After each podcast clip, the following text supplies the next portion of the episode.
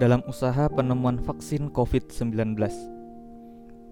Telah lebih dari satu setengah tahun sejak COVID-19 melanda seluruh dunia dan memaksa banyak negara untuk melakukan karantina. Harapan agar penyakit ini segera lenyap di banyak negara perlahan pupus, dan jelaslah bahwa virus tersebut akan tetap ada untuk sementara waktu. Virus COVID-19 menjadi sulit ditangani karena kemampuan penularannya dari satu manusia ke manusia lainnya yang amat cepat. Bahkan meski manusia penularnya tidak menunjukkan gejala apa pun. Bahkan hewan dan tikus hingga harimau juga dapat tertular dan menularkan COVID-19 pada manusia. Dan tentunya kita tidak mungkin mengarantina ataupun memaksa hewan-hewan tersebut untuk menggunakan masker. Sepertinya virus ini, baik cepat maupun lambat, akan menjangkiti siapa pun. Selain itu, COVID-19 menyerang dalam beberapa gelombang pandemi, sehingga sangatlah mungkin bila kita bisa saja terjangkit penyakit ini berulang kali. COVID-19 nampaknya akan tetap ada hingga beberapa tahun ke depan sama seperti pandemi-pandemi lain yang telah terjadi di masa lampau, seperti flu Spanyol dan flu babi dari Hong Kong. Kemungkinan besar COVID-19 akan datang dan pergi tanpa henti, layaknya flu biasa nantinya. Maka, masing-masing dari kita harus siap siaga hingga vaksin yang tepat benar-benar berhasil dikembangkan. Tentunya langkah paling bijak bagi kita saat ini adalah meningkatkan kinerja sistem imun dan melaksanakan protokol kebersihan dan kesehatan seperti menjaga jarak dengan orang lain atau social distancing secara efektif. Pada masa kita bertarung melawan virus ini hingga waktu yang belum dapat dipastikan. Tentu saja vaksin amat penting untuk meminimalisasi pertumbuhan dan penyebaran virus. Akan tetapi di sisi lain, penemuan vaksin sangatlah mahal membutuhkan waktu yang lama untuk dikembangkan serta tidak selalu sempurna. Oleh karenanya, kita perlu mencari metode alternatif untuk menjaga tubuh kita dari makhluk-makhluk patologis ini selama vaksin yang paling baik masih diteliti. Sebagaimana yang pernah terjadi sebelumnya, bahwa cara terbaik untuk menghindarkan diri dari terinfeksi HIV adalah bukan dengan vaksin, tetapi dengan sebuah tradisi yang sudah berusia ribuan tahun lamanya diketahui, yaitu prosedur sunat atau khitan.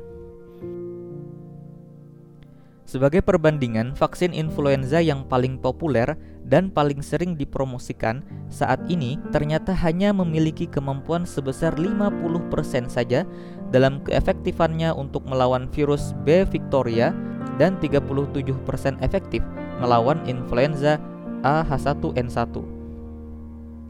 Di sisi lain, menurut sebuah artikel yang dipublikasikan oleh The Lancet, sebuah jurnal media bergengsi, diketahui bahwa sunat atau khitan 88% efektif dalam mencegah transmisi heteroseksual dari HIV.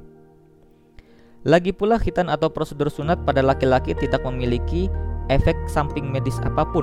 Satu-satunya resiko yang ada hanyalah hal yang berkaitan dengan pembedahan minor, seperti kemungkinan adanya pendarahan dan infeksi. Pada tahun 1980-an, saat pertama kali mendengar tentang keberadaan HIV, saya ingat pernah membaca artikel-artikel yang dengan sedikit arogan mengklaim bahwa vaksin dan obat bagi HIV akan ditemukan dalam 2 atau 3 tahun ke depan. Ternyata 40 tahun berlalu setelah miliaran dolar dihabiskan untuk berbagai riset dan penelitian, kita masih sangat jauh dari penemuan vaksin HIV. Sejauh ini, kita baru dapat menemukan pengobatan yang membantu mengendalikan virus HIV. Hingga kini pun baru ada dua orang yang disembuhkan dengan metode yang sungguh terlalu mahal untuk diterapkan pada semua orang itu. Di samping itu, setidaknya ada 30 juta orang yang meninggal dan di tahun 2019 saja setengah juta di antaranya meninggal dunia. Meskipun vaksin sangat penting dalam usaha membasmi virus, tetapi mengerahkan seluruh daya dan upaya hanya pada vaksin saja merupakan strategi kesehatan publik yang amat beresiko mengingat betapa sulit dan lamanya sebuah vaksin yang sebenarnya dapat ditemukan, diuji, dan didistribusikan. Mustahil untuk mengetahui secara pasti berapa lama lagi vaksin terbaik bagi virus corona akan ditemukan. Sembari menunggu hal itu terwujud, masyarakat seyogianya mengikuti instruksi para petugas kesehatan setempat dengan sungguh-sungguh seperti menerapkan pembatasan jarak sosial berskala besar, menjaga jarak dengan orang lain, menghindari kerumunan, serta lebih sering mencuci tangan dikarenakan langkah-langkah ini telah terbukti efektif mengurangi penyebaran virus. Pengembangan vaksin, apalagi secara tergesa-gesa, selalu menjadi sebuah proses yang berbahaya dan melelahkan.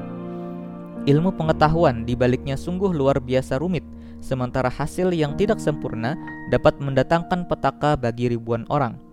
Situasi menjadi semakin rumit saat fakta bahwa percobaan tahap kedua dan ketiga bagi vaksin bisa saja mendatangkan hasil yang cukup menyebar dan berbeda dari yang kita inginkan. Di Amerika Serikat, percobaan vaksin AstraZeneca dihentikan setelah beberapa orang yang mendapatkan vaksin ini jatuh sakit. Percobaan tahap ketiga yang melibatkan ribuan orang baru bisa menunjukkan indikasi kecil tentang adanya efek samping jangka panjang pada vaksin. Sayangnya, meski nyawa manusia menjadi taruhannya, vaksin telah terlanjur digunakan sebagai bahan perdebatan-perdebatan politik dan ekonomi serta berbagai teori konspirasi. Beberapa negara mengklaim telah menemukan sebuah vaksin, sementara negara lain pun sontak meragukan atau berusaha mengajak perusahaan asing untuk bekerja demi kepentingan mereka. Pada Agustus tahun lalu, Rusia mempercepat pendaftaran vaksin virus corona yang masih belum teruji dan menamainya dengan istilah gaya semacam perang dingin, Sputnik 5. Berita itu pun diumumkan oleh Vladimir Putin sendiri. Vaksin tersebut lalu ditawarkan pada Amerika Serikat, tetapi ditolak dengan alasan keamanan karena diyakini bahwa vaksin tersebut tidak diteliti dan dikembangkan dengan semestinya. Tak berapa lama, Rusia kembali mengumumkan adanya pengembangan vaksin kedua. Tak menunggu lama, vaksin itu ditolak dan didiskreditkan oleh negara-negara barat lain karena dianggap tidak teruji dan tak terpercaya. Di sisi lain, vaksin Sinovac yang dikembangkan oleh perusahaan asal Cina terbukti paling sukses pada pengujian tahap ketiga di Brazil. Gubernur Sao Paulo, Joao Doria, membeli vaksin ini sebanyak 40 juta suntikan vaksin Sinovac.